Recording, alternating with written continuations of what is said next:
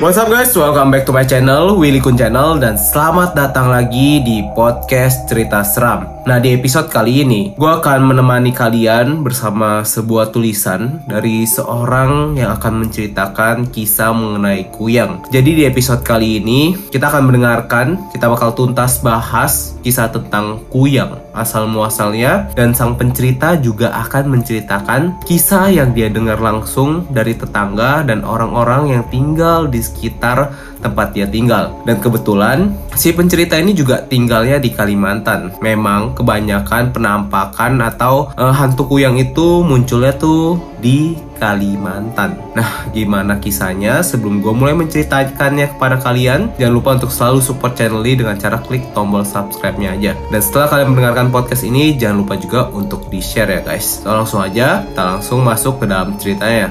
Let's go!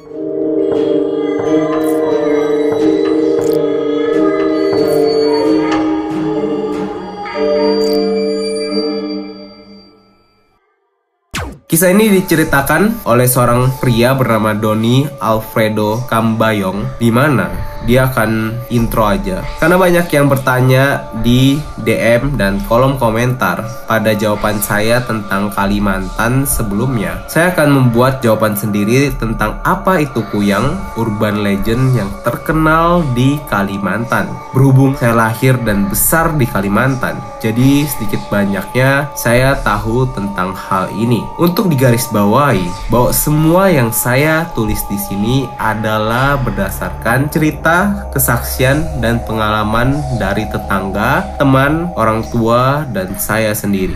Jadi, jika kiranya ada yang berbeda dari literatur atau dari kesaksian orang lain, mohon dimaklumi. Untuk diketahui, saya bukan anak Indigo atau IndiHome atau Indomaret atau semacamnya. Untuk itu juga saya meminta maaf jika kali ini pembahasannya berbau mitos karena saya tahu visi dan misi Kora adalah untuk membahas sesuatu yang bersifat ilmiah. Langsung saja si penulis memberikan gambaran dari kuyang yang kurang lebih gambarannya itu adalah kepala wanita dengan organ yang melayang-layang tanpa badan. Kuyang sendiri menurut cerita warga yang beredar adalah makhluk halus berwujud kepala dengan organ tubuh yang menggantung yang pada malam hari berkeliaran mencari mangsa yaitu darah bayi yang baru lahir. Wanita yang baru melahirkan Kemudian wanita yang sedang hamil tua, bahkan jika kuyang tidak menemukan wanita hamil atau bayi, dia juga dapat menghisap darah menstruasi yang dibuang sembarangan. Dalam beberapa kesaksian juga, Kuyang dapat menghisap darah gadis langsung dari paha si gadis yang pada pagi harinya si gadis akan mendapati pahanya biru dan terasa nyeri. Menurut cerita yang beredar, wanita yang tengah hamil akan mengeluarkan bau yang sangat wangi yang hanya bisa dicium aromanya oleh kuyang tersebut walau dalam jarak beberapa kilometer. Semakin tua usia kandungan, ibu hamil maka semakin wangi bau yang akan dicium si kuyang dan membuat air liurnya bercucuran. Dalam beraksi sendiri, kuyang dapat berubah wujud menjadi binatang seperti kucing atau anjing. Mereka juga bisa berubah menjadi pohon pisang, maka dari itu jika di suatu rumah ada wanita hamil, maka pohon pisang di sekitar rumah akan segera ditebang agar tidak menjadi tempat kuyang bersembunyi.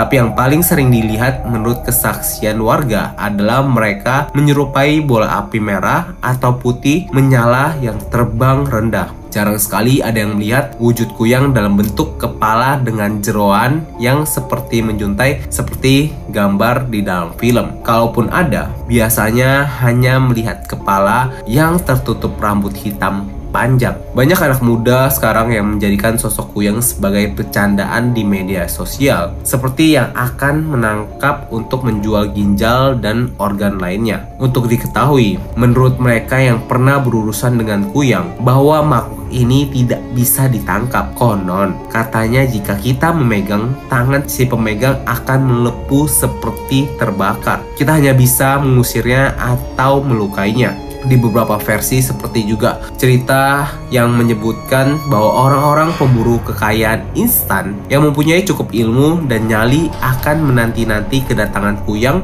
untuk diajak berduel. Jika si Kuyang kalah, dia akan meminta diantar pulang ke rumahnya dengan imbalan berupa harta benda. Tapi, jika si pemburu yang kalah, maka nyawanya lah yang akan melayang di tangan Kuyang. Untuk menangkal serangan Kuyang, Sebenarnya ada beberapa cara. Yang paling populer adalah para ibu hamil biasanya membekali dirinya dengan bulu landak atau gunting. Cara ini juga yang dulu ibu saya lakukan saat mengandung adik saya, yaitu meletakkan bulu landak di dekat bantalnya saat tidur. Jadi sini penulis juga memberikan gambaran bulu landak itu seperti apa ya. Ukurannya itu lumayan besar, seperti jari manusia. Nah, selain bulu landak dan gunting, ada juga cara lain seperti menabur garam di sekeliling rumah, membakar kulit bawang, atau membawa sapu lidi untuk memukul kuyang saat kuyang tersebut muncul. Untuk memukul kuyang dengan sapu lidi pun tidak boleh dilakukan berulang-ulang. Cukup satu kali pukulan yang akan membuat kuyang luka parah sampai tidak bisa bangun berhari-hari. Kuyang sendiri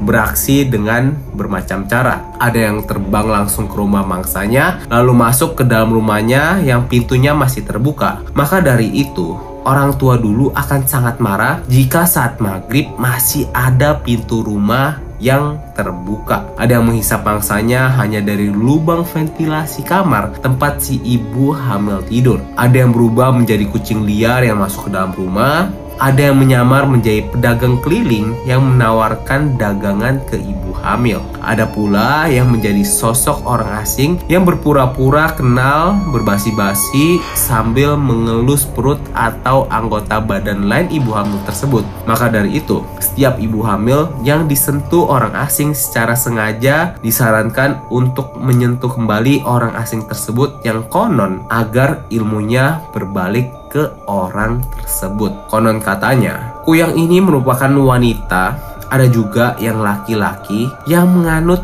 ilmu hitam baik disengaja maupun tidak dengan tujuan untuk memperoleh kekayaan, kecantikan, keabadian, atau ketangguhan. Pada malam hari, kepala si penganut ilmu hitam ini akan lepas dari badannya, terbang ke sana kemari mencari mangsa dan darah yang akan dihisapnya. Biasanya proses ini tanpa disadari oleh si pemilik ilmu hitam atau kuyang tersebut. Dia hanya merasa seperti tidur saja. Proses ini juga biasanya disaksikan oleh keluarga si kuyang namun itu sudah menjadi hal biasa karena memang ini ilmu turun-temurun dari keluarga tersebut. Kelak, si anak dari Kuyang mau tidak mau harus mewarisi ilmu ini jika tidak, orang tuanya tidak akan bisa meninggal walaupun sudah sangat tua dan sakit-sakitan.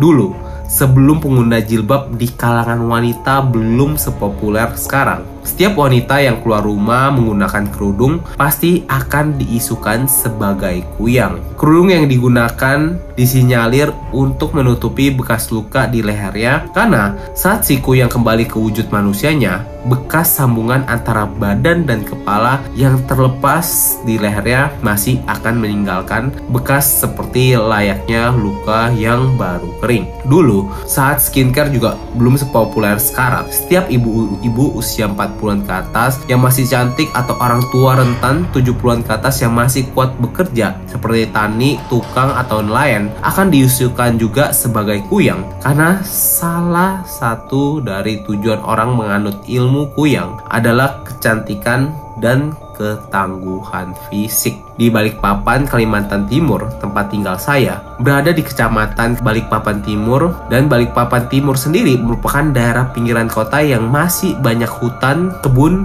bukit, dan hutan bakau walaupun sekarang sudah banyak berkurang seiring pembangunan. Bagi warga Balikpapan Timur, ada kampung yang reputasinya sudah terkenal sebagai sarang kuyang. Kita sebut saja kampung X, Y, dan Z. Kalau orang Balikpapan Timur pasti tahu. Tempat tinggal saya sendiri berada di antara tiga kampung tersebut.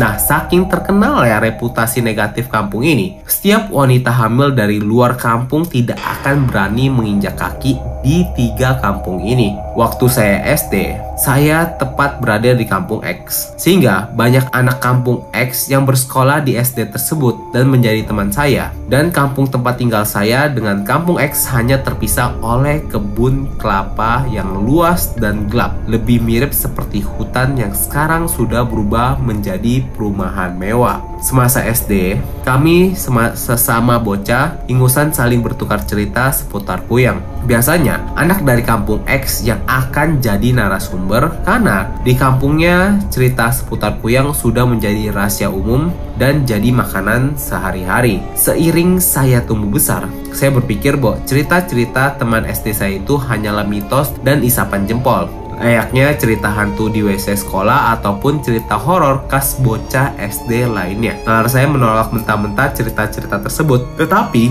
kejadian-kejadian di luar nalar yang saya alami atau saya saksikan sendiri seakan membuktikan eksistensinya dari cerita tentang kuyang yang awalnya saya anggap hanya mitos. Di zaman media sosial seperti sekarang, di mana informasi bisa sampai dengan cepat, mungkin banyak orang di Indonesia yang sudah tidak asing lagi mendengar nama kuyang asal Kalimantan. Para perantau ini kebanyakan dulunya kurang percaya dengan apa yang namanya kuyang sehingga mereka kurang waspada. Oleh karena itu, di daerah saya banyak korban serangan kuyang selama tahun 90-an sampai 2000-an adalah para pendatang atau perantau dari Jawa. Beberapa serangan yang saya ingat antara lain ada suami istri perantau dari Jawa yang ngontrak di kampung saya. Saat itu istrinya sedang hamil namun tetap bekerja sebagai SPG di mall. Sebenarnya Warga kampung sudah memperingati agar tidak sering pulang malam apalagi sendirian. Tapi dia tidak mengindahkannya. Sampai suatu malam, dia harus pulang lewat jam 11 malam dan melewati kebun kelapa sebagai jalan pintas. Keesokan paginya, dia mendapati perutnya sudah kempes seperti biasa dan setelah diperiksa,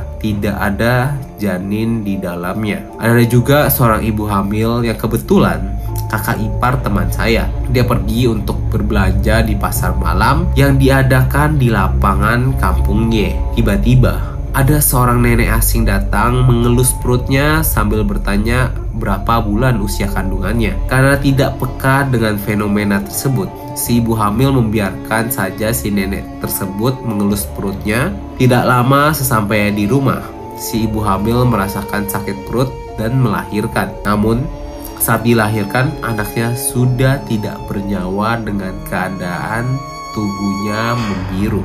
Lain dengan dua kasus di atas, ada juga salah seorang teman kecil sekolah saya ketika SD dulu yang menjadi korbannya. Rumah teman saya ini kebetulan berbatasan langsung dengan kampung X. Teman saya ini pindah ke kampung halaman orang tuanya di Jawa setelah lulus SMP dan baru kembali ke rumahnya di Balikpapan setelah dia lulus kuliah dan menikah. Istrinya yang baru pertama kali ke Kalimantan tentu masih awam dengan mitos ini. Ketika baru beberapa hari anak pertamanya lahir, si istri yang ingin pergi buang air melihat ada kucing yang masuk ke dalam kamarnya. Namun, dia tidak menghiraukannya padahal saat itu anaknya ditinggal sendirian di dalam kamar sementara mertuanya sedang di dapur. Sekembalinya dari toilet, si bayi tersebut sudah terbujur kaku dengan badan yang membiru. Dari tiga kasus di atas, mungkin bagi tenaga medis ada penjelasan secara ilmiah dan masuk akal. Tapi bagi mayoritas warga di sini, hal itu adalah karena serangan kuyang.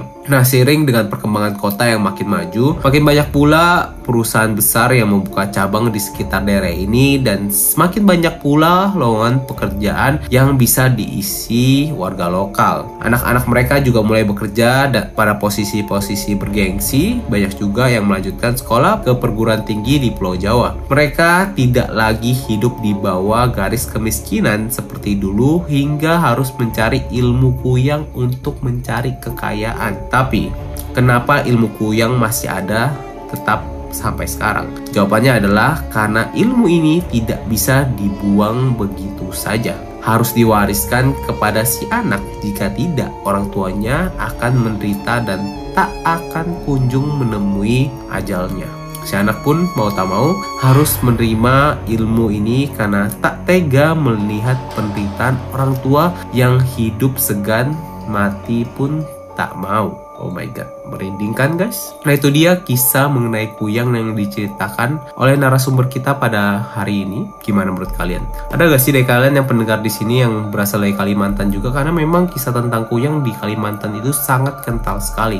Nah buat kalian yang punya kisah-kisah seperti ini kan bisa langsung aja share ke gua. Kan bisa langsung aja DM Instagram gua di Willy Kun. Pasti kisah kalian akan gue bawakan di podcast cerita seram guys. Nah itu dia cerita hari ini guys. Thank you guys udah mendengarkan podcast cerita seram malam hari ini. See you guys in the next episode.